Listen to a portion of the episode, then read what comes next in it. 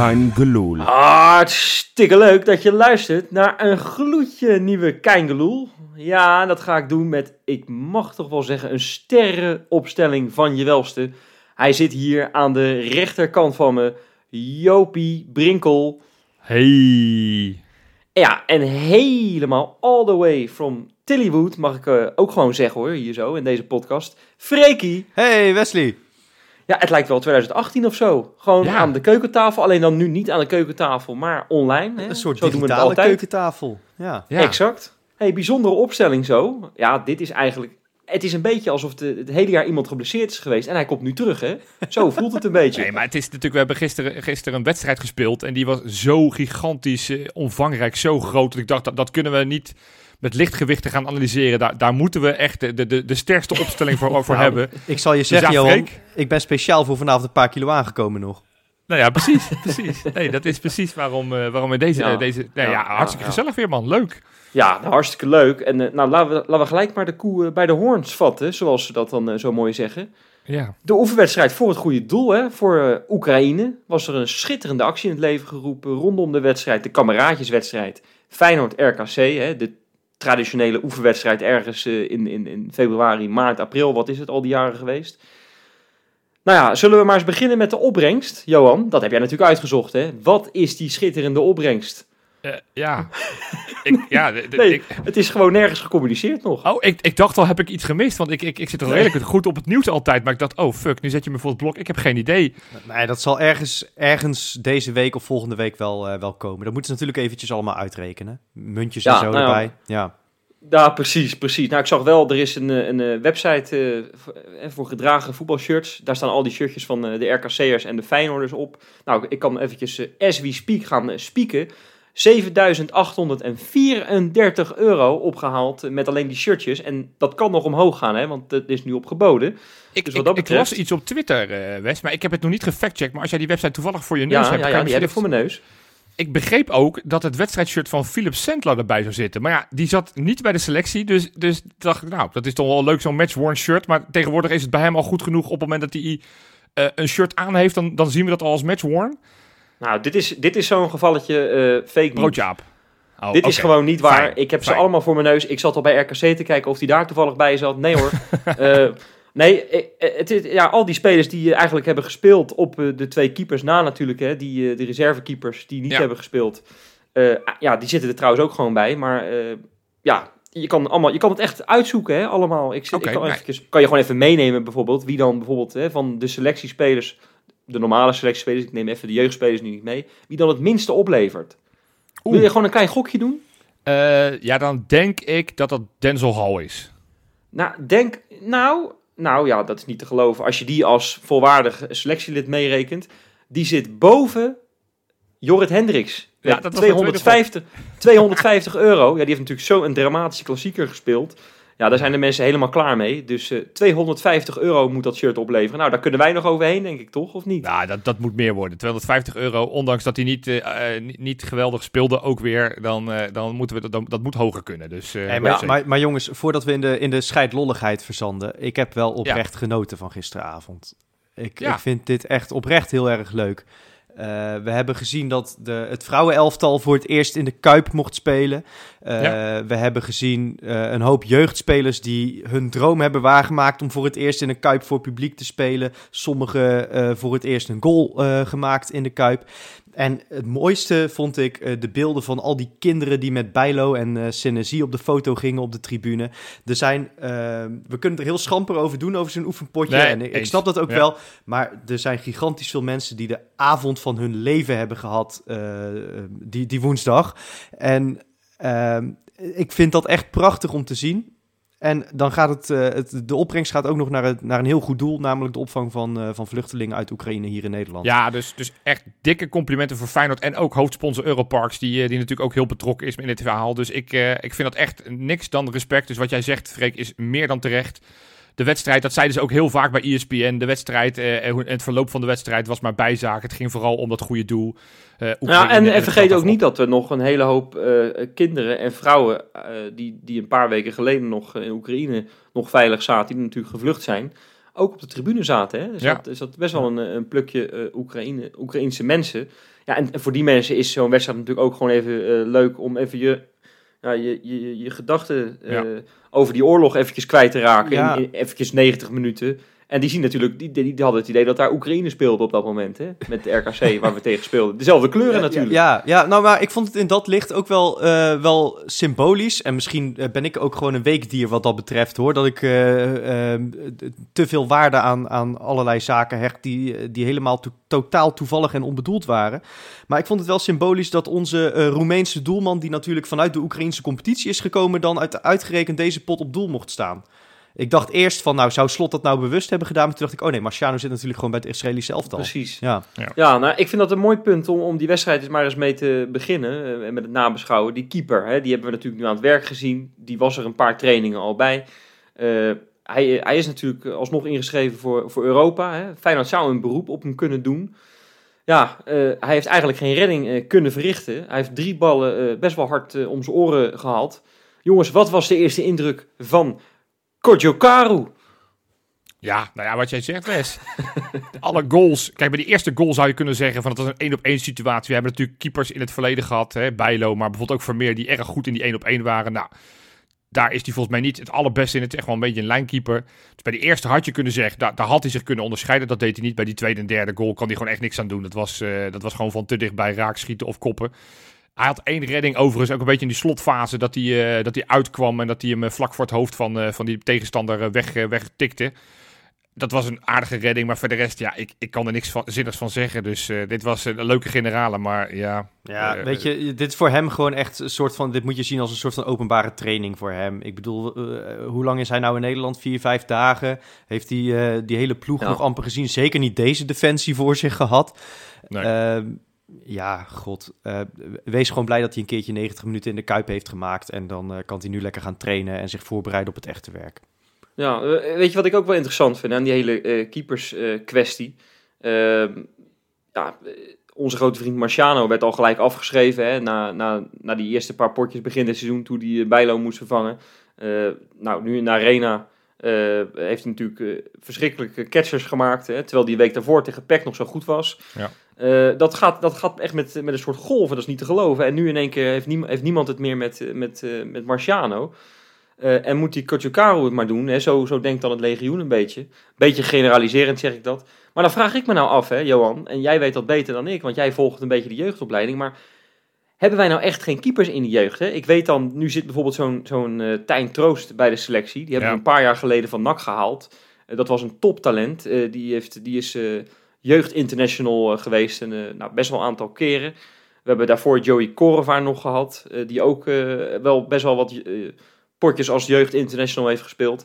Denk ik, nou, hoe kan het nou dat, dat, dat ze in de jeugd nou best wel vaak, hè, dat je die jongens ziet bij Oranje onder zoveel, maar dat die blijkbaar die laatste stap niet kunnen maken. Hè? Want je, we hebben het vaak over Ben Laassen gehad, dat hij zo, zo goed is en de wondertrainer voor de keepers. Maar blijkbaar die toptalenten, die kunnen die laatste stap niet maken onder deze Ja, keepers Nou, dat is niet helemaal waar, toch? Ik bedoel, Bijlo, Nou ja, Bijlo eh, heeft toch onder Ben Laassen de laatste stap gezet? Ja.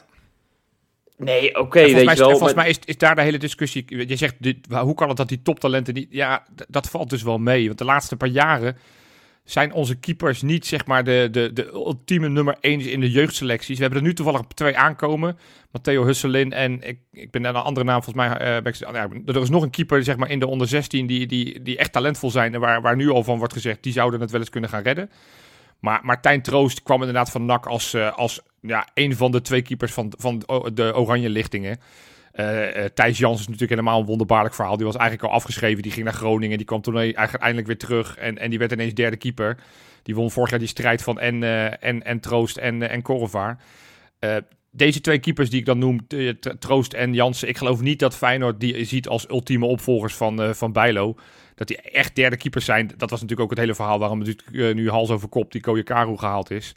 Maar er zit, daarachter zit er nog wel wat aan te komen. Maar dat gaat gewoon nog eventjes duren. Dus, eh, Eventjes duren. Ja. Nou, wat, wat ook nog eventjes gaat duren, dat is natuurlijk die, die jongens die we nu hebben gezien hè, eh, tegen RKC. Die jonge gasten, die, die zeker dat laatste half uur, denk ik, stonden, ze, stonden er eigenlijk alleen maar jeugdspelers nog in. Dat was leuk om te zien. Ehm, ja, ga, ik hoop echt dat we daar een paar van gaan, van, ja, gaan doorbreken. Maar ja, wie, op wie moeten we eigenlijk gaan letten, Johan? Jij ziet dat natuurlijk vaak. Ja. Ja, ik, eh, Gaat niet eigenlijk jongens van doorbreken? Dat is maar gewoon gelijk eventjes de heikele vraag, hè? Nou ja, als je, als je he- heel eerlijk moet zijn, is de spelers die nu meespeelden, dat zijn natuurlijk de jongens die eh, niet goed genoeg zijn voor de vertegenwoordigende elftallen. Hè? Want Milambo en ook Hartjes en Benita, dat zijn allemaal jongens die, ja, die hoger in de pickorde staan. Die mochten ook allemaal met Oranje onder 17, onder Ora- Oranje onder 18, onder Oranje onder 19. Nou, dat noem je trouwens even wat, zeg. Oranje onder 18, heb je dat nog meegekregen? Ja, ja, ja. eh, onze grote vriend Slory, Ja. dat is, eh, ik heb echt het idee dat, dat hij met de week beter wordt. Die scoort er Ja. eventjes twee.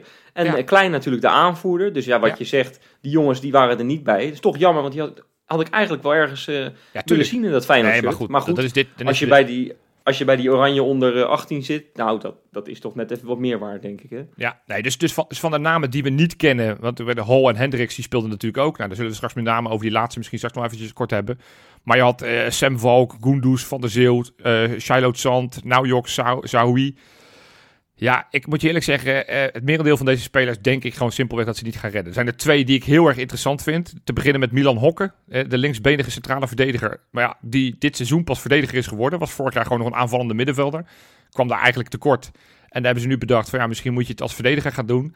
En dat zag je ook in die wedstrijd woensdag tegen RKC.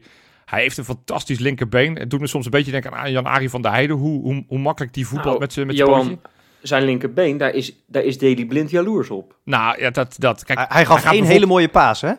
Nee, wel meer, wel meer. Nee, het waren echt ah, drie of vier van die hele mooie passes. eh, waaronder één bal op Linsen die, die in de loop goed meegaf. Die bedoel Maar hij gaat ja. bijvoorbeeld ook bij, bij, die, bij die laatste tegengoal. Daar, daar vergeet hij mee te lopen met die, eh, met die verdediger. Dus hij moet nog Nou heel ja, stappen als maken. we het daarover hebben met het vergeten mee te lopen, dan kunnen we ook de eerste goal erbij pakken. ja. Eh, waar Ramon Hendricks nou ja, een bal verliest eh, op het middenveld en dan eigenlijk ja, niet achter eh, zijn man aanloopt. En die man, die scoort wel eventjes later de, Het de waren- 0-1 na een 1-2. Het, wa- Dus ja. het waren twee Ja. Hendriksen, want, want, want Jorrit Hendricks deed daar ook heel weinig. Dus die, eh, die hadden alle twee met zoiets van, ik vind het wel goed. Ik vind het altijd lastig om dit soort potjes kapot te analyseren. Zeker als het aankomt op de eh, prestaties van spelers die gewend zijn om bij het eerste te spelen. Ja, natuurlijk ontbreekt de scherpte in dit soort wedstrijden. Want ik bedoel, Hè? De Senesi... scherpte, de scherpte hoeft toch niet te ontbreken bij Senesi en Trauner misschien. Maar, maar bij zo'n Hendricks en, en een Hal, die, die kunnen zich voor het eerst laten zien. Nou, Hendricks niet voor het eerst. En ik denk dat Hendricks wel had gehoopt om al wat profminuten te maken eh, in deze fase van het seizoen. Eh speelde tegen Partizan natuurlijk 90 minuten, maar die had natuurlijk eigenlijk bij Sparta willen zitten nu. Ehm, ja, nee, ik, ik kan daar niet, zo, eh, niet zoveel conclusies uit trekken. Ik ben inderdaad benieuwd naar die jongens die echt voor het allereerst mee mogen doen. En Ja, en wat, wat, wat vond je ervan van Naujoks? Want dat was de andere naam die ik er toch eventjes wilde uitlichten. Maakte echt een heerlijke goal. Ja, Waar heel veel speelde in goed. Ehm, Ja. Maar eh, Johan, als ik mij niet vergis, eh, is dat ook een jongen die het normaal gesproken ja, niet in Feyenoord 1 gaat redden, maar die misschien wel het profvoetbal gaat halen. Nou, weet je, weet je wat er bij Naujoks is? Naujoks is, is een beetje zoals nou, bijvoorbeeld Sam Valk, zo'n speler waarvan je, die, die, waarvan je eigenlijk jarenlang dacht... ja, weet je, het is leuk dat hij in die selectie zit, maar nee. Maar ik, ik, ik, ik zie in hem heel veel dingen waarvan ik weet dat Arne Slot daar heel erg op geldt. Eh, en, en in zoverre, ook als je ziet hoe hij zich ontwikkelt nu als aanvallende middenvelder, hè, een beetje Guus Til type, die Ja. ook in de spits kan spelen, goed voor de goal, druk zetten naar voren. Normaal gesproken zou ik zeggen, nou Joks, ik geloof niet dat hij Feyenoord 1 gaat halen, maar ik vind het toch een kleine outsider dat ik denk, nou, het zou Vind, zomaar vind je hem niet kunnen. iets meer, als jij, jij vergelijkt hem met Guus Stil, maar ik, ik vind hem iets meer van Linsen hebben misschien. Nee joh, nee, dat vind ik, nee, dat, dat vind ik totaal niet. Ik Vind hem, eh, ik vind hem, nou ja, ik snap wel dat je het zegt, maar ik, ik vind hem, als je, als je hem gewoon analyseert van waar zijn kracht ligt, hij, hij zei het ook in een interview na de wedstrijd, het is echt een, een, een mini Guus Til die, eh, die nog wel wat stappen moet zetten, maar eh, aanvoerder van de onder 21 en, eh, en nou ja, eh, eh, Hans Kraai was lovend, die was erg enthousiast, die had er volgens mij voor het eerst Ja. zien spelen, die had al meteen over volgend jaar verhuren aan een, een, cl- een, een topclub in de eerste divisie, toen dacht ik, nou, Hansie, rustig, rustig. Dat is, gaat wel ook wel wat te ver, hè? Ja, Ja. Nou ja, ik vond, ik vond het wel mooi. Het is, ik vond hem ook wel een leuk interview geven, hoor. Hij kon Ja. wel makkelijk uit zijn woorden. Hele Het slimme is een gast. beetje, het is een beetje een, eh, zo'n hockeytype eigenlijk, Ja. hè? Maar dat is Guus Stil ook. En dat is ook een, eh, een prima voetballer voor Nou, Feyenoord. maar- dus wat dat betreft. in dat kader van vervangers voor Guus Stil heb ik juist eigenlijk speciaal gelet op een speler die eigenlijk al een treetje hoger in de pikorde staat. Eh, want het was ook een van de, van de eerste keren dat we eh Bassett, of moeten we Bassett eh, zeggen, dat, dat weet ik Bassett, eigenlijk nog niet zo goed. Eh, ehm, dat we die 90 minuten aan het werk Ja. mochten zien. En dat beviel mij eigenlijk wel. Zo. Ik vond hem heel goed eh, de ruimtes eh, eh, zoeken. Eigenlijk eh à la Til inderdaad. Ik vond hem aan de bal... Ja, ik kan niet zeggen beter dan Til, want dat is wel, wel heel eh, gracieus of, of geflatteerd, moet ik zeggen. na 90 minuten in een oefenpotje tegen RKC. Maar ik vond hem vrij comfortabel aan de bal ogen. En hij nam die vrije trap ook nog, toch? Ja, eh, dat was een hele goede vrije trap. Maar ook Die- die toen was aardig. die strooide Ja. met passes. Want hij had op een gegeven moment ook een hele mooie bal op Brian Linsen. Die die één keer op de vreven met zijn linkerbeen weliswaar naschoot. En hij was echt overal op het veld te vinden. Ja, Eh, ik werd heel blij van hem. Dat was ja, de, de ik, ik, speler vond, die ik mij het er meest enthousiast van. Ja, Ja, ja. Nee, jongens, mooie dingen. Eh, ja, waar we ook enthousiast van worden, jongens, is natuurlijk die, eh die spitsenstrijd. Hè? Eh, als, eh als Dessers een tijdje niet thuis geeft, dan, eh, dan doet Linsen het wel. En als, eh als Linsen het niet doet, dan doet Dessers het. Nou, eh Linsen, ja, die zat er niet helemaal lekker in de afgelopen weken. Natuurlijk wel onlangs een goal gemaakt, hè? maar dat heeft blijkbaar zelfvertrouwen gegeven. Want eh, hij, ja, hij schoot ze gewoon lekker raak, hoor. Twee goaltjes, assistje erbij ook nog. Nou, ik heb eh, van Brian Linsen genoten, werkelijk waar. En jullie? Nou ja, eh, genieten vond ik, eh, vind ik misschien wat veel gezegd. Eh, maar die tweede goal, die deed me toch wel aardig denken aan die goal die hij ooit thuis tegen PSV maakte. PSV, ja. Ja, hè? ja, met Stiffy. Ja, dat, dat, dat, Geweldige dat is, bal van Toornstra trouwens. Ja. ja, die speelde ook lekker. Die was ook gewoon weer ook over het hele hoor. veld weer. eh, Ja, ja, kijk, dit is natuurlijk voor Linsen gewoon vooral persoonlijk heel erg fijn. Dat hij eventjes kan laten zien, ik ben er nog. Eh, en ik vond hem na de wedstrijd ook wel realistisch hoor. Eh, Ja. hè? Ik, ik snap dat ik nu op de bank zit, want Dessers doet het gewoon goed. Maar dan moet ik laten zien dat ik er, eh, dat ik er ook nog ben. En ja, dat heeft hij natuurlijk wel gedaan. Voor zover dat Ja, kan. maar dat zijn, Ja, dat zijn natuurlijk ook de teksten die we, die we graag willen horen, weet je wel. Hij is wat dat betreft nog een voetballer van de oude stempel, die gewoon zegt waar het op staat. Wel, dat is prettig, prettig om naar te luisteren. Maar ja, rondom ja, die spitspositie hangt altijd een soort zweem van, van ja, er moet daar iemand anders eh, komen. Er moet daar een betere versie komen. En er werd natuurlijk door Hans Kraai, eh, of eigenlijk door die andere gozer, die eh, van, van, van ESPN, hoe heet die gozer, Johan? Help Chris, me even. Chris Willaert, toch? Chris Willard, ja, Chris Willard, ja, precies. Die, nou, die zei dat Feyenoord een beetje met, of eigenlijk Strand Larsen op de korrel heeft. Jurgen Strand Larsen van Groningen. Ja, worden we daar enthousiast van, of niet? Nee. Nou, ja, Nee, maar, nee, maar weet je, ik, ik ga je namelijk heel simpel uitleggen waarom, eh, Wes. Kijk, eh, eh, ja, ik vind dat hij het goed doet bij eh, Groningen. Hij scoort relatief makkelijk. Het is een targetman die overigens niet extreem goed kan koppen. Maar, maar het is wel een, ver- een, een vervelende gast Nou om, ja, eh, om hij tegen te spelen. en doet, het gewoon met een omhaal. Doet hij Ja, het gewoon nee. vaak, weet je wel. Maar, maar kijk, we we weten wat het prijskaartje is van Cyril Dessers. Dat, dat zit tegen de 4 miljoen aan. Groningen gaat sowieso meer vragen dan 4 miljoen. Want ze hebben afgelopen winter al een bod geloof ik van 5 miljoen gehad voor die gast. Dat betekent dus dat we voor hem meer moeten gaan betalen dan voor Dessers. Nou, en als ik moet kiezen wie vind ik een betere spits voor dit Feyenoord... met, met alle eh, eh, eh, elementen die, die een spits moet hebben voor, voor het systeem van Arne Slot... dan vind ik Dessers een betere spits. En ik vind dat Dessers eigenlijk geen eerste spits kan en mag zijn voor Feyenoord. Nou, dan is Jurgen Strand Larsen het ook niet, ondanks dat hij drie jaar jonger is of vier jaar oneens.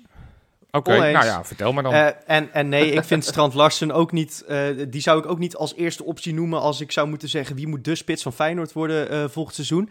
Ehm, maar ja, oké, het is misschien een klein beetje gekleurd. Maar Strand Larsen heeft de goal van het seizoen in de Eredivisie gemaakt. tot nu toe. In een van de eerste speelrondes volgens mij. Met die omhaal waar hij hem eerst eh, drie keer hoog houdt. Ja, alle respect voor Dessers. Wat ik echt boven verwachting een geweldige, geweldige eh, spits vind. eh, Zoals hij het nu invult. En die natuurlijk een paar legendarische doelpunten heeft gemaakt. Maar, maar Larsen heeft wel iets meer techniek, heb ik het idee. Hij, is ook, hij is ook een jaar of vijf jonger, geloof ik, dan Dessers. Ehm, en ik kan me nog een andere spits herinneren eh, uit Noorwegen die een beetje mislukte bij Groningen. Een Surlot, die vervolgens in de Premier League, geloof ik, bij Sunderland eh, of, of een andere ploeg, eh, Southampton geloof ik, het ineens toch vrij aardig deed. En bij Olympiakos. Ehm, dus misschien dat we voor, voor het Surlot-effect eh, moeten gaan. Dat eh, Arne Slot Nou. daar ineens heel veel meer uit kan halen dan dat jij ik- nu denkt, Johan. zo gezocht. Een Noor die toevallig ook... eh, dat, Ja, nee. ja, Nee, als maar Johan, Johan. was geweest, had ik hem ongetwijfeld verloren. Maar ik, nou, ik maar snap dan help hem, ik je gewoon maar even, Freek. Freek, dan help ik je gewoon maar even. Want eh, hij heeft, scoort gewoon 34% van het aantal doelpunten van Groningen dit jaar. Ja, en dat is, die, die hebben dat vier goals prima. gescoord het hele jaar. Lekker, nou lekker nee hoor, want hij heeft er gewoon 11 gemaakt dit seizoen. En, eh, en hij heeft bij de onder 21 van Noorwegen, waar eh, Pedersen ook eh, natuurlijk een hele lange tijd voor heeft gespeeld, heeft hij 9 goals gemaakt in 12 wedstrijden. Nou, dat vind ik best interessant. Hij is eh Noors international Eh, tenminste, in 2020 heeft hij zijn debuut gemaakt. Ja. Dus als hij bij Feyenoord zit, zal hij ongetwijfeld wel, eh, ja, wel vaker Ja, voor hey, Noorwegen nog, spelen. nog, een, nog een argument inderdaad. Alle Noren tot nu toe zijn raak bij ons. Ja, ja, ja. Nou ja, Ja. ik kan me nog wel Harmeet Singh herinneren. Ja. Nee, ja, nee, onder, die onder Arnissen hebben gespeeld. En, Ah, en, en Arne oké. Slot. Ja.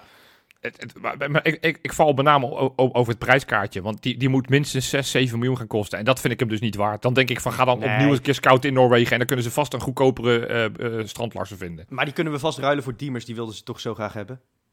ja, ja, ik denk dat het dat, dat, dat station Nee, maar wij gaan is. natuurlijk geen 7 miljoen voor die Strand Larsen betalen. Nee. Als, die, Dus- als die komt, gaat het nooit voor 7 miljoen zijn. Precies, dus die discussie kunnen we volgens mij vrij snel sluiten. Ik wil even heel kort, we hebben net zijn naam al wel genoemd. Toch wel goed nieuws deze week. Het kwam maandag eigenlijk net te laat om het in de podcast te behandelen. Ramon Hendricks, die verlengt tot 2025. Ben ik heel erg blij mee. Ik ook. eh, en eh, dat, dat moet ook goed nieuws zijn voor eh, Martijn Krabbedam. Want die had een heel stuk over Malasia gemaakt. En die had gezegd, ja, maar Feyenoord heeft op dit moment helemaal geen tweede linksback. Ja. En eh, hij is echt werkelijk de enige die daar kan spelen. Ja, gelukkig is Ramon Hendricks er nog. Die natuurlijk Ja. ook al voordat hij dat stuk schreef 90 minuten had gespeeld tegen Partizan op die positie. Ehm, maar ja, nee, ik vind Hendricks tot nu toe een goede indruk maken dit seizoen. Was inderdaad bij die eh, eh, 1-1, eh, wat jij terecht zegt Wesley, niet best. Maar ja, ik, ik geloof wel in die gozer. Ik ook, Nou. ik ook. Ah, hartstikke mooi. Dat eh, hebben we natuurlijk. Daar gaan we allemaal op letten de komende periode. Of die jongens wat meer kansen gaan krijgen ook en zo. hey, jongens, wij gaan weer, eh, wij gaan weer een kaartje kopen. En we gaan weer richting het uh, Kein Gelouvre.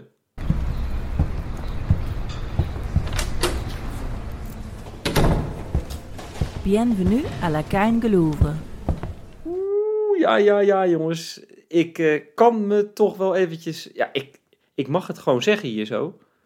Want eh Freek, jij gaat namelijk een schitterend item van jezelf erin gooien. Absoluut. Ja, er werd een keer tijd toch dat we een keertje wat, wat persoonlijks weggaven. Hebben wij trouwens die jingle nou al aangepast? Nee hè?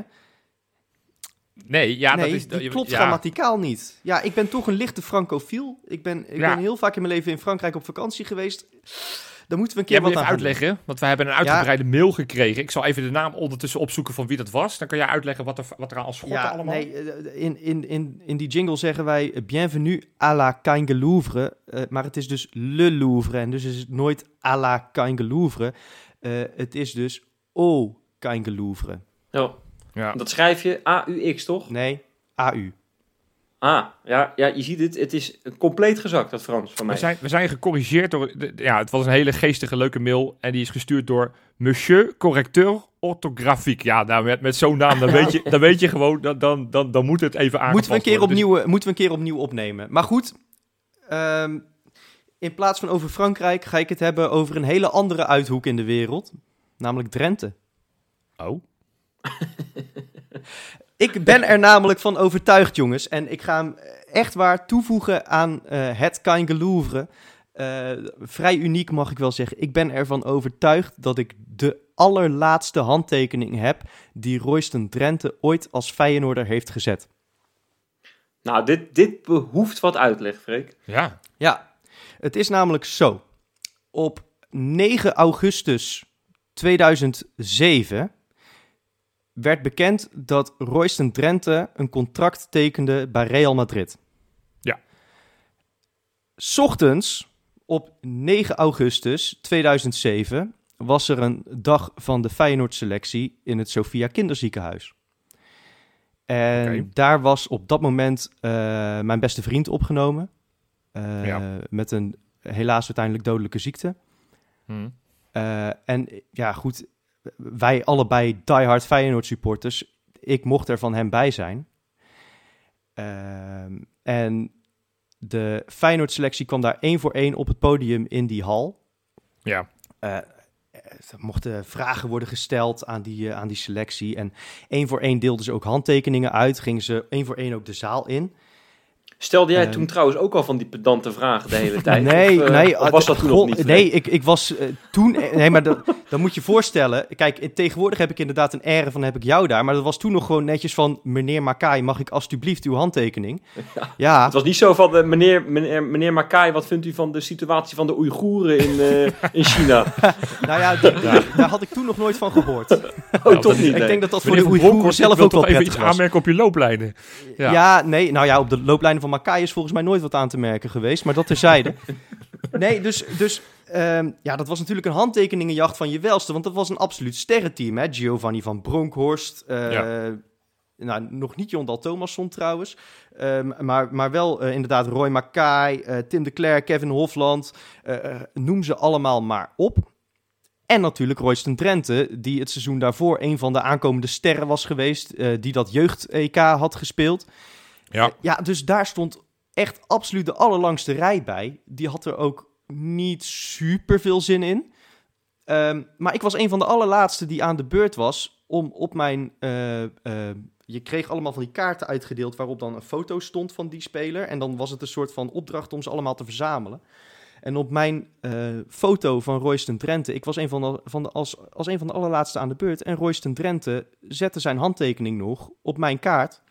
En ik denk een uur nadat wij eh, wegreden, nou een paar uur in ieder geval daar, eh, werd dus bekend dat hij eh, in het vliegtuig zat naar Madrid. Heb je eventjes getwijfeld om het kaartje door midden te scheuren? Nee, maar dat komt omdat ik dit trauma al een keertje eerder heb meegemaakt. En die kan ik misschien ook nog wel een keer toevoegen aan het Kain Louvre als ik hem terugvind. Maar ik, eh, eh, nu moet ik even, eh, misschien dat ik het jaartal niet goed heb hoor, maar, maar misschien is het 2000 of 2001. Maar ik was in ieder geval nog heel erg klein dat ik naar de open dag ging.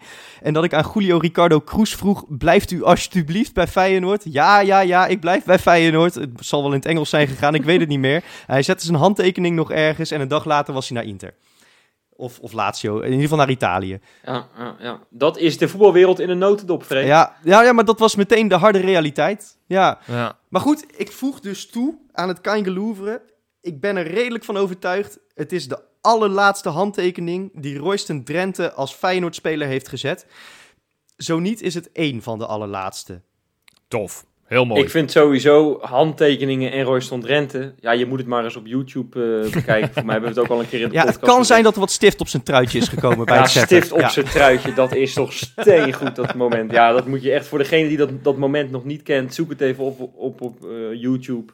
Stift op mijn truitje, Royston Drenthe, Madrid. Ja, het is, het is steengoed. Steen. Ja, mooie, mooie figuur was, maar die zei toen niet veel, zei, je- zei je Freek. Nee, niet dat ik me kan herinneren in ieder geval. Maar eh, je merkte wel dat spelers als Landsa... Nee, Landsa was er helemaal nog niet bij. God, eh, ehm, eh, nou ja, Van Bronckhorst en Makai in ieder geval... Ja, die waren daar al veel meer ervaren mee. En Ja. die, eh, Ja. die namen ook veel meer de tijd. Maar dat is ook logisch, want Trente was natuurlijk nog erg jong... en, en was in één keer de grote ster. Ja, Dus ik, ik, Ja. achteraf snap ik dat ook allemaal wel. Toen Als hij dacht een paar ik uur later ja, in het vliegtuig hallo. zat, dan, dan zal zijn hoofd überhaupt wel ergens anders geweest zijn dan op dat moment in een ziekenhuis. Dus ik, Nee, Tuurlijk, nee, maar kunnen, iedereen ja. wist ook al wel stiekem van ja, Ja. die gaat weg. Dus iedereen wilde ook zijn handtekening hebben. Maar heb je, heb je niet Ja. tegen hem gezegd achteraf, wa- want je zag hem later, zag je hem een, een contract tekenen bij Madrid, dat je zei van, joh, ho eens, je hebt een contract getekend hier in Rotterdam, ik heb het hier op papier staan. Dat je het toch probeerde te houden in Rotterdam. Ik, ik, was, ik was toen nog lang niet zo bij de hand als dat jullie Oh. inschatten. Jammer, jammer. Zeker niet Nou, als ik oog in oog stond met Feyenoord. Dus dan, dan viel ik gewoon stil. Echt. Nou, mooi. Hey, nou ja, schitterend item, Mooi. eh, Freek. Die voegen we graag toe aan, aan ons eh, mooie en nu al best wel uitgebreide Kein uh, Gelouvre. Ik roep trouwens de luisteraar op, heb je ook zoiets schitterends? Hey, stuur het vooral in, hè. Dat kan naar onze kanalen, eh, Facebook, Twitter, Instagram. Het kan ook naar keingeloelpodcast.gmail.com. En eh, nogmaals, je hoeft niet iets letterlijk op te sturen. Hè. Dat hebben we wel eens gehad. eh, dat iemand dacht, nou, ik moet nu letterlijk een bal opsturen naar die gasten. Waarmee Kuit een hattrick had gemaakt in... of nee, niet een hattrick trouwens. De eerste twee goals gemaakt. Nee, nee, nee, dat praat ik allemaal uit je hoofd. Dat hoeft allemaal niet. Het is heel simpel. Je maakt er een leuk fotootje van. Een goed verhaaltje, dat is natuurlijk wel de voorwaarde. Ja. En dan kunnen wij het toevoegen. aan Zo is het net. En we gaan dat uiteraard nog een keertje groots online eh, presenteren. Hè? Dat het ook echt de plek krijgt die het verdient. Zo is het maar net. Exact. Mooi. Exact. hey jongens, dan gaan wij door eh, met een eh, volgend item. En ik vind dit wel ook wel weer interessant hoor. Het, is- het gaat ook wel weer over de jeugdopleiding van Feyenoord. Ja, ik zit van de week een beetje op FR12. En volgens mij hing, hing het al een tijdje in de lucht. Maar ehm jongens weet, Jason Ezep eh, naar Feyenoord. 15 jaar, als ik het goed zeg. Eh, en eh, dat mag tegenwoordig, hè. dan mag je tegenwoordig eh, ook een jeugdcontract tekenen. Ehm, nou, Feyenoord was er wat dat betreft vroeg bij. En dat is dus alweer een buitenlandse jeugdspeler naar Feyenoord. Hè. Nou, ik kan me herinneren dat een paar maanden terug, als ik het goed zeg, Alexander Krajnik ook is gekomen. En eh Dermane Karim zou je in feite ook nog wel een jeugdspeler kunnen noemen. Dus wat dat betreft, hè, we gaan een beetje een, eh, an- andere kant op eh, wat Feyenoord betreft. Of, eh, of zeg ik iets geks, Johan? Nou ja, kijk, weet je, het is een van de allereerste interviews die ik eh, las van, eh, van Frank Arnissen toen hij bij Feyenoord kwam. Toen, toen spiegelde hij heel erg aan de, de situatie die hij trof toen hij bij Chelsea kwam. Toen vertelde hij dat hij in de hele jeugdopleiding twee jeugdinternationals had lopen. En, en, en hij, hij ging daar prat op dat hij zei, toen ik wegging, waren er twee eh, spelers in de jeugdopleiding die geen international waren. En, en hij, zei al eigenlijk van dat je ook een beetje die kant op wilde met Feyenoord. Nou, toen dacht ik, ik wil dat wel eens zien. Ik ben nieuwsgierig hoe dat gaat. Want Feyenoord in de scouting in de jeugd, bij amateurclubs is hartstikke goed. Maar alles wat daar van buiten kwam afgelopen jaren, hm, hm, was, mondjesmaat enerzijds. En, en, buiten de grenzen keken we überhaupt al niet. Dus ik ben gewoon eens gaan kijken van ja, wat, wat heeft Arnissen sinds zijn komst nou gedaan? Nou, inmiddels is die, eh die EZEP is, eh, is de negende speler eigenlijk eh, die van buitenlandse komaf is. In eerste, Sinds, sinds Arnissen sinds, sinds er is, sinds Ja. Arnissen er is. En dan heb ik puur gefocust op de jeugdspelers. Dus ik heb niet eh Cole Bassett, die tel ik niet mee. Ik tel ook niet mee eh, dat soort spelers die eigenlijk voor het eerste zijn gehaald. Maar in 2020 had hij met Sondre Skogen en Torsten Johnson, Bernardo Silva en Aliou Balde. Waarbij die laatste natuurlijk in eerste instantie voor de jeugd werd gehaald. Maar die viel al heel snel in de selectie bij Dick Advocaat erbij. Ja, daarna kwamen Nesta Zahoui en Karim Demane. En, eh, en, en, en, en voor, die zijn allemaal voor onder 21 gehaald. En daarnaast zijn dan nou ja, Sasha Kra- Krajnik, die jij net al zei. En ook Nathan Itangishaka, een Belgisch jeugdinternational van Gent, is gehaald. Nou, en dan is nu EZEP de volgende. Ehm, dat, ik vind het best, ja, best een interessante ontwikkeling. Ehm, ja, je moet het nog maar zien. Want vooralsnog zijn al die spelers die we van het buitenland hebben gehaald... niet enorme successen gebleken. Hè? Silva is al weg, Johnson is al weg. Al waren dat wel spelers die eigenlijk soort van contractloos waren... en soort van... eh, die, die werden toch ook aanboden. vooral gehaald als opvulling eh, voor de onder 21. Exact. Dus dat vind ik toch wel echt wel anders dan bijvoorbeeld een, een Dermane. eh, of, of, als die, eh, of als die andere twee spelers die er voor de onder, onder 18 zijn gehaald. Hè, die Itangishika en, uh, en Krasnik. Ik vind het een hele toffe, fijne ontwikkeling. En Ja, maar ik vind dit wel een beetje... Ik snap wat je zegt hoor. En zeker als ze zo meteen allemaal doorbreken, dan is het inderdaad een toffe of- ontwikkeling. Maar het is eigenlijk wat we al jaren zeggen. Als Ajax eh, weer aankomt met, eh, met een Dolberg, ik noem maar eventjes iemand, hè, die Ja. een jaartje in de jeugd heeft. Een Eriksen die dan een jaartje in de jeugd heeft meegespeeld. En dan eh, vervolgens keihard staan te pronken. Kijk eens wat er uit onze jeugdopleiding komt. Hè? Weet je wel, één jaartje in de jeugd gespeeld. En tuurlijk, ik bedoel, ja, je, het is eten of gegeten worden wat dat betreft. Je moet die spelers ook wel halen voor je Nee, jeugdopleiding. ik, maar- ik denk dat daar wel een duidelijk verschil in zit. Ehm, kijk, dit is gewoon scouten van spelers voordat ze te duur voor Feyenoord worden. Dus dat is goed. En het niveau van je jeugdopleiding omhoog krikken. eh, omdat je toptalenten in ieder geval met betere spelers komen te spelen. Ehm, maar dat is iets anders dan ze presenteren als eigen jeugd en volledig zelf ontdekt. Eh, want dat hoeven we natuurlijk met Dermaan Karim eh, of Aliou Nee. Balde niet te doen. Nee. maar ten tweede is het ook nog eens iets dat niet helemaal nieuw is bij Feyenoord natuurlijk. Ik bedoel, wie herinnert zich nog Jonathan de Guzman, eh, Leonardo 1, eh Mohamed Aboubakari, Ivan Bandalovski... eh, ga zo maar door. Thomas Buffel, Salomon Kalou, anyone. Ja. Dit is iets dat we natuurlijk een jaar of twintig geleden al volop deden. maar wat er gewoon totaal uit is gesneden op het moment dat Feyenoord moest gaan bezuinigen. Nou ja, veel, een aantal van die namen die, die jij noemde zijn natuurlijk wel geslaagd. Een aantal die zijn natuurlijk, hè, Volker ja, die Karaman, blijven kan ik hangen. Nog maar herinneren, wat dacht je nog van, Simmer. eh van Jeppe Lund Koert of Aysel Kujovic? Ja, of, eh, of een eh, vriend van de show, die we natuurlijk ook, eh, ook gesproken hebben, onze Zweedse vriend. Ja, Mons Herman. Ja, Mons Herman Zeker. is natuurlijk Ja. ook niet helemaal gelukt. Dus, dus er Zeker, zijn ja. natuurlijk verhalen die, die gesla- ja, de Guzman en, en Leonardo zijn natuurlijk aardige voorbeelden die, die wel aardig succesvol waren. Kalou. Eh, maar goed, er zijn helaas ook heel veel verhalen. Het is eigenlijk wat je zegt, Freek. Ik ben het ook helemaal daarmee eens. We moeten ze niet gaan presenteren als jeugd. Maar wat ik ook vooral zie, als je kijkt, het zijn allemaal spelers. eh, ja, met name gehaald zeg maar, in, die, in die onder 16, 17, onder 18 klassen. Die allemaal, het, volgens mij met het idee zijn om dat onder 21 team volgend seizoen weer verder te versterken.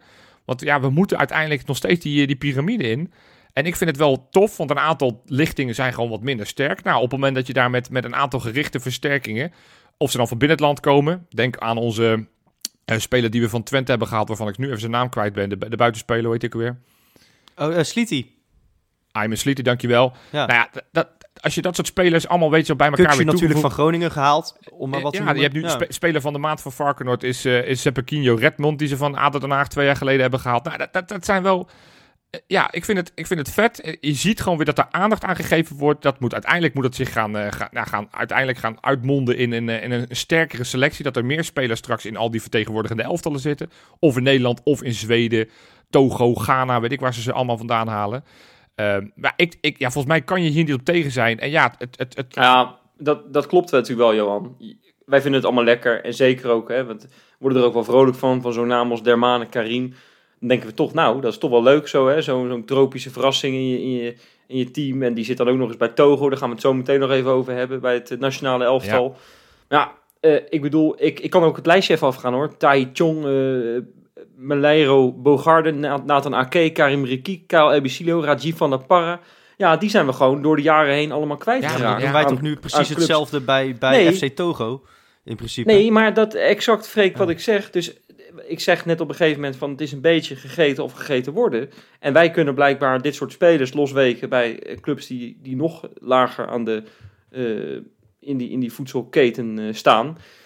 Wat dat betreft is het interessant. En zeker ook als je je eigen spelers weet te behouden die, die top zijn. Hè, dat lijkt me eigenlijk de prioriteit. Maar ik vind het wel interessant. Maar we moeten wel in het achterhoofd houden van... ja, we vinden het zelf ook niet leuk als onze toptalenten worden weggekaapt bij, eh, door, door Chelsea. Ja, maar dat door, vind ik geen ik argument. Wij vinden het ook helemaal niet leuk als onze sterspeler eh, voor een veel te laag bedrag weggaat. Maar we vinden het ook fantastisch als we de sterspeler van een andere ploeg voor een heel laag bedrag weten op te pikken. Ik bedoel, Ja. dat, dat is topsport nu eenmaal. Daar hoeven we, daar hoeven we niet moeilijk over te Maar doen. het is fijn, Het het is denk fijn ik dat Feyenoord wat dat belangrijker. betreft meedoet. Het is denk ik wel, dat belangrijker dat we straks over een aantal jaar gaan, gaan kunnen concluderen dat dit ook echt goed gescout is. En dat het niet Ja. lukraak schieten met hagel is. Dat we straks meer Salomon Kalous dan, eh, eh, dan Jeppe Aysel. Kujovic's en Juppe Ja. Koerts hebben, om maar wat te noemen. dat, we, dat we... Ja, want anders, dan zijn het wel ja, relatief dure jeugdspelers natuurlijk. Hè? Ik bedoel, daar moet je altijd iets meer in investeren dan iemand die bij je om de hoek opgroeit. Er is er nog eentje, één naam die Feyenoord nog niet binnen heeft. Maar afgelopen week heeft er ook een speler meegetraind. Ja, Lucas Bergval. Eh, een aanvaller uit Zweden. Is, eh, nog, eh, is inmiddels 16. Maar die heeft zijn debuut in het, het eerste team van zijn, van zijn club. heeft hij inmiddels gemaakt op 15-jarige leeftijd. Die, die heeft meegetraind met Feyenoord. Feyenoord heeft een goede indruk op hem gelaten. Maar er zijn meerdere clubs in Europa die hem willen hebben. Ja, hij had, zo, hij had zo eens drie dagen meegetraind, maar hij gaat een beetje van club naar club overal een beetje meetrainen. En dan gaat hij, heeft hij het voor, het- eigenlijk voor het uitkiezen. Hè? Dat is Nou ja, een beetje En dan geef hem eens ongelijk. Ik bedoel, als je, als je de wereld aan je voeten hebt, dan ben je ook gek als je bij de eerste beste club meteen ja zegt. Maar nou, ja, het feit dat Feyenoord daar aan, die, daarin meedenkt, hè, we hadden het natuurlijk eerder ook gehad dat, eh dat, dat Balde, die zou in de belangstelling gestaan hebben van, eh, van Dortmund. We hebben het met Dermane gezien, die ook in de belangstelling zou zijn van Chelsea onder andere. Nou, dat we daar meedansen. En dat we dan af en toe dat soort talenten weten te halen. En de ene is wat succesvoller dan de andere. Balde vooralsnog is er nog niet helemaal uitgekomen. Dermane ontwikkelt zich als een komeet. Nou ja, Nou, het is- goed dat je het zegt, eh, Johan. Dermane. ja, Want we hebben er gewoon weer een international bij, hè? Ja. ongekend joh. Ja, die, Heb je dat? Ja, ik ja. las dat verhaal. en Ik denk, ik moet dat eventjes delen in deze podcast. Die is dus opgeroepen voor, voor het, eh, het nationale elftal van Togo. Maar blijkbaar zitten die op hetzelfde complex en zo als de onder 23. Daar heeft hij dan een wedstrijd voor gespeeld. Ja. Voor de onder 23 van Togo. Nou ja, goed, daar doen wij het niet voor. Nee, Nee, hoor, en Dermane ook niet. Want die mocht gewoon op dezelfde dag... mocht hij ook nog eens een kwartiertje invallen bij Togo tegen Sierra Leone. Kijk, Ja, fuck een goed verhaal. Gewoon, eh, gewoon, gewoon twee wedstrijdjes spelen op een dag. sp- speelt Adebayor daar nog mee? Ik ken voor de rest geen Togolese, nee, nee. Nee, die deelt alleen, spelers deelt de, de flapjes deelt hij alleen uit na de wedstrijd. Nee, ik, ik heb die selectie te kijken. Het waren niet spelers waarvan ik dacht, oh, die ken ik nog wel. Bij, Nou. bij, de, te- bij de tegenstander wel. Sierra Leone stond natuurlijk linksback, eh, onze Cambuur, eh, oud Feyenoord. Onze kampioen Oh, eh, eh, dingen. ehm, Bangura, eh, die stond bij Sierra. Leone als Ja, linksback. Dus, dus, Goh. dus dat, die, ja, die- maar Johan, er staat daar gewoon bij dat Togo een centrale verdediger van 12 miljoen, te waarde van 12 miljoen in. Ah. Die in de Primera Division, ik ben even zijn naam kwijt, maar ik heb, ik heb ook die selectie even zitten bekijken. Het zijn echt, het zijn echt niet allemaal Nee, koekenbakkers. niet allemaal. Maar er waren ook een paar die bij Wakka speelden. En dat soort clubs waarvan ik nog dacht van, ik kende die niet eens. Dus, nee ja, maar dat is toch ontzettend vet. Want hij, hij was... Ja, ja, volgens mij was het nooit het allergrootste talent in Togo. Maar als je nu ineens, ja, blijkbaar is een contract bij Feyenoord tegenwoordig al goed genoeg om meteen opgeroepen te worden bij Togo. Nou, die tijden zijn ook wel eens anders geweest. Ik vind het onwijs vet en het, het is ook goed voor je club. Het is gewoon goed voor je club. En, en ik zag Ja. die, die, die be- bewuste journalist die, eh, die verslag deed van die beide wedstrijden. Die gaf elkaar, nou Feyenoord, wees, eh, wees zuinig met deze jongen, want dit, eh, dit gaat er eentje worden. Toen dacht ik, nou, dat is wel heel tof. Ik, ik moet dan wel denken aan het moment dat wij met z'n allen nog dachten van... ja, die Sinisterra, d- dat is een totale miskoop. Daar, daar gaan we nooit meer iets van horen. En dat toen op een gegeven moment iemand, een journalist of zoiets, tweette van... one to watch is eh, Feyenoord's Luis Sinisterra glides past the opposition with shocking ease. En eh, eh, ja. soon to Ja, become a revelation in world football. Ja, nou ja, visionair als- als- geweest. als, visionair eh, geweest. Goeie als scout. Dermane Karim eh, zo'n soort gelijke status eh, weet te bewerkstelligen, ja, dan, eh, dan hebben we een goede aan hem. Ja. Even één ding trouwens over die onder 23 van Togo. Ja, Dat, dat, ga- dat gaat niet alles goed, heb ik zelf het idee. Johan, misschien dat jij het even kan vertellen. Een goed verhaal ook weer. Ja, ja ik, ik zag een tweetje voorbij komen van, van diezelfde man die ik net aanhaalde. Een Togolese voetbalwatcher. En die gaf aan van, joh, eh, ik denk dat het een geneutraliseerde Togolees is geweest. Die zei van, nou, die, eh, die, die doet nu voor het eerst mee met de onder, de onder 23. Maar die, de bewuste man was 27. Toen dacht ik, nou, volgens mij is dat niet helemaal de bedoeling van, van zo'n elftal. Dat er dan zo'n oude knalpijper inspeelt. Maar ja, was dat het, kan was daar het blijkbaar. geen, geen tikfout dat hij eigenlijk 17 was? Nee, nee, ik heb het ook even opgezocht. Nee, hij was echt 27. ja. Maar goed, ja, maar leuk, leuk voor Togo. Dat kan daar allemaal, joh. Hè? nee, zeker. Hey, even wat minder leuk eh, nieuws voor Iran. De grote ster, Ali Reza Jahanbaks, corona. Ja, Ach, Ja. man. Ja, maar ja, Ja. En, en, en meteen verloren van, eh, van Zuid-Korea. Dus eh, ja, het, het ging er al niet meer, het deed er al niet echt meer toe, want ze Nee. zijn allebei gekwalificeerd. Dus, eh, dus het maakt in principe niet zoveel uit. Maar ja, goed, die man die reist de hele wereld eh, over. om vervolgens eh, in quarantaine te gaan. Het zit hem ook allemaal niet mee, hè, momenteel. Ik vind dat echt, ik vind dat echt erg. over een paar dagen heeft hij herkansing tegen Libanon. Dan, eh, dan is hij, als het goed is, denk ik wel weer uit die quarantaine. Want tegenwoordig, ik begreep ook weer dat Louis van Gaal na twee dagen quarantaine ook weer eh, ja, meteen maar op ja, het je veld weet niet hoe mocht. de, hoe de Iranese regels ja, zijn Johan, natuurlijk. Je, zit, eh, de- je zit daar een beetje cynisch over te doen. Maar wat dacht je van onze, Ja, onze nee, eigen trouwner en slot en zo? Stil nou, stil nou voordat, voordat mensen daar boos over worden. Nee, ja, terecht. Ja. Ik verbaas me erover dat tegenwoordig dat je na twee dagen al eh, blijkbaar de hele periode hebt kunnen, kunnen doormaken. Nou, prima.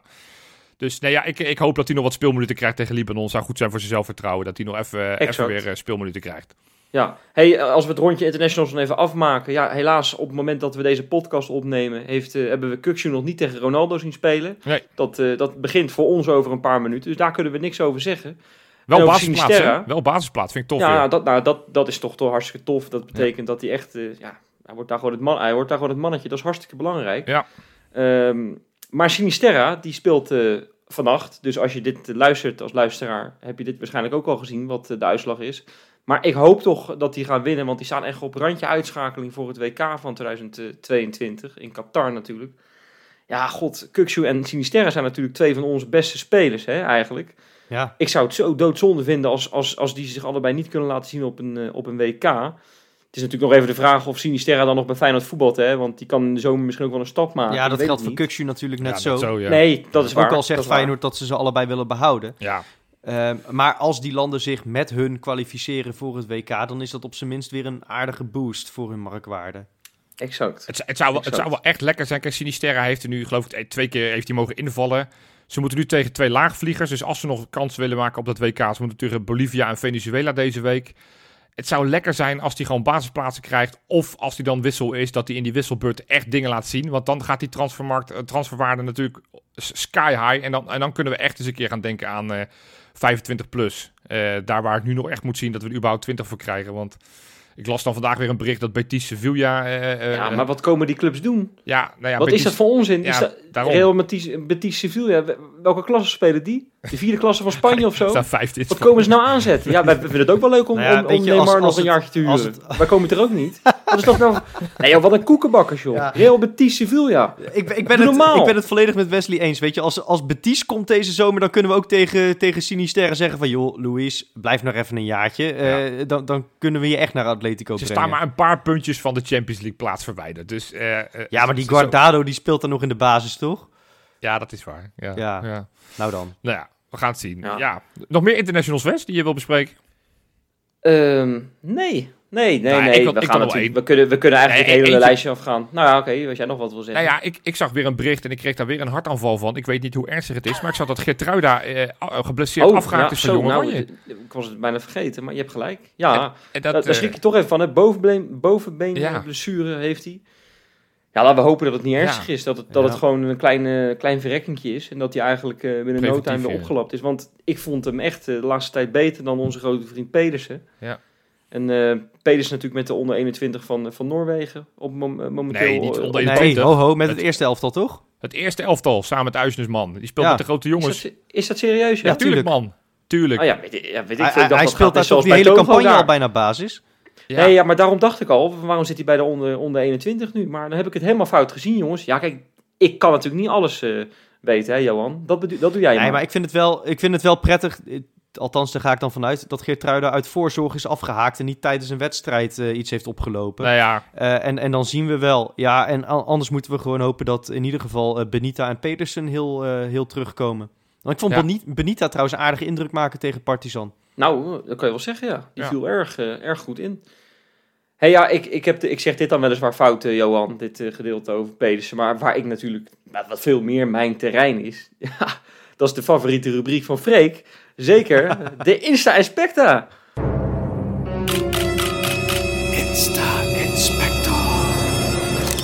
hey jongens, ja, we hebben het net al eventjes over eh Dermane Karim gehad. Maar eh, ja, hij heeft eh, een plekje in deze Insta eh, verdiend. En dit keer niet omdat hij eh, zijn hele Insta heeft volgegooid met de 721.000 reposts. Want dat doet hij namelijk regelmatig. Daar heeft hij trouwens een verbod op gehad. Eh, binnen de club hebben ze gezegd, jongens, of lieve jongen... Dat gaat een beetje te ver. dat mensen 23 minuten nodig hebben om, om jouw Instagrammetjes, om jouw, al jouw stories te kunnen zien. Dat is een beetje te veel. Maar er kwam een geweldig filmpje online via de zoon van, eh van Arnissen trouwens. zijn zaakwaarnemer, ja. Zijn zaakwaarnemer inderdaad. En eh, hij moest een liedje zingen bij Togo. Oh, en wat zong die? Wel leuk dat Ik- ze daar ook dat, de- die traditie hebben voor debutanten. Ja, dat, dat zal wel overgewaaid zijn uit, eh, uit Europa, gok ik zo, waar de- al die beelden toch op sociale media komen. Nou ja, maar ik, echt, Johan, dat was een of ander gek, eh, gek nummer. Ik heb geen idee wat het was, maar het was wel echt met zelfvertrouwen gedaan. En dat zegt mij, want daar lees ik natuurlijk veel aan af, hè, Johan, dat deze jongen gaat slagen. Ja, maar dat gaat hij ook. Maar het zou wel echt, hij zou wel helemaal de blitz gemaakt hebben op het moment dat hij gewoon een, echt een kei Hollands nummer, een bloemetjesgordijn Nee, had gewoon hand, in hand. ja, hand in hand was Ja. nog beter geweest. Ja, Nee, nee, maar hij stond, hij echt met zelfvertrouwen. Een beetje dansen, een beetje rappen, een beetje zingen, alles door elkaar heen. Het was echt, eh, het was echt een show die, dat hij ervan maakte. ja. Ik vind dat knap hoor. Zo'n zo'n jonge jongen die daar even binnenkomt. ja, ik ga aandelen der maan kopen, want ik word, per week word ik enthousiaster van die gozer. ja. Ja, schitterend. hey, jongens, eh, ehm, ja, op het moment dat deze podcast uitkomt, is het de big day hè? Oh, De big day, ja zeker, ja zeker. De trouwerij van eh, onze, ons John en zijn Inge Mout. John de Wolf gaat natuurlijk trouwen. oh. Nou ja. Ja, nee, ja, volgens mij is Ja. het al 24 keer uitgesteld, dus ik, eh, ik vind Ja. het leuk voor hem dat eindelijk gaat lukken. Johan, de beste man, is 35 kilo afgevallen. Is, heeft zijn gebit laten bleken. Ja, Heeft elke week drie keer zit hij aan een of ander gek apparaat om een, om een soort vitaminekuur t- door zijn bloed te laten stromen. Freek valt al flauw bij het idee, weet je wel. Nee, ja, het is echt, het is echt, het is niet te geloven. Die man die, is- die ziet er ook uit alsof, alsof hij tien jaar terug ja, wakker is geworden of zo. Dus echt heel leuk. Moet je je eens voorstellen dat je gewoon alles in het teken hebt gestaan van, eh, van die bruiloft. Dat je je hele levensritme. En dat je dan echt op de dag dat je de, s ochtends wakker wordt voor de trouwerij. Dat je een steenpuis van je welst op je voorhoofd hebt. Weet je? Dan kan je mooi zo witte, witte tanden hebben. En dan kan je gebruind zijn. En dan kan je 84 kilo afgevallen zijn. Dat, dan, Nou, ja, oh. Jo- Johan, wij hebben eh, een paar weken geleden ging jij op vakantie en toen maakte jij een beetje zorgen hè, van Ja. als we maar geen corona eh, Ja, ja. krijgen, weet je wel, thuis met we hebben natuurlijk kinderen en zo zei je. Maar hoe heeft die John de Wolf zich gevoeld, denk jij dan, vorige week toen, eh, toen er een beetje corona wond waren Oh ja, bij. Feyenoord? oh ja, zo. Die heeft, die heeft al 24 keer zijn trouwerij Ik, ik uitgesteld. denk dat hij in zo'n hasmatpak heeft gelopen de hele week. dat, dat, dat dat pas eh, langs de lijn weer uit moest. Dat hij gewoon in het Ja, pak zat van, zo'n, eh, van die trapmuur. Die, zo- die, Ja, die- gewoon, weet je, een helemaal in, in, in pedaalemmerzakken gewikkeld of zo. Ik weet het niet. Ja, precies. precies. Ja, hey, ja. jongens, eh, van John de Wolf gaan we naar een andere trainer eh, binnen Feyenoord. Een, een jeugdtrainer, Melvin Boel. We hebben hem wel eens in de podcast gehad. Hartstikke leuke vent. En eh, die is eventjes in de keuken gaan kijken van de andere club, hè, zoals ze dat zo modieus zeggen. Ehm, bij Chelsea is hij langs geweest. Ah. Hij, is, hij heeft eerst even gevraagd, jongens, hoe zit het hier met de centjes? Hoe werkt het allemaal hier met die Russische eigenaar van jullie? Nou, daar kon niemand antwoord op geven.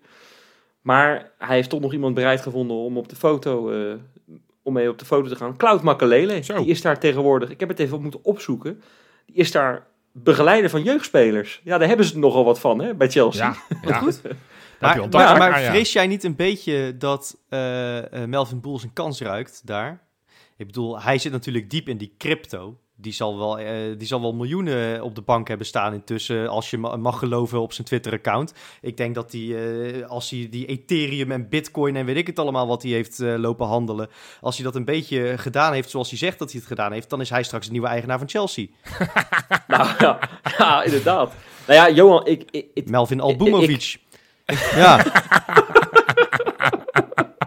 Nee, maar ik heb dus, ik heb dus eh, eh, ja, Johan, die heeft, het is niet zo slim dat je dat net hebt gezegd, eh, Johan, over, over aandelen uh, Dermane Karim, want ik, het schijnt dat Melvin Boel ook wel helemaal horny van die uitspraak is geworden. hè. Die is ook al... By the eh, dip. wil- Nee, je moet, Ja, je, je, moet, je moet nu. je moet nu wie, wie speelt er echt heel slecht? Jorrit Hendricks. Die, die was toch het laagste, het minste waard? Precies, die, ja, zeker. By the dip. Je moet nu aandelen Jorrit Hendricks kopen. By the dip.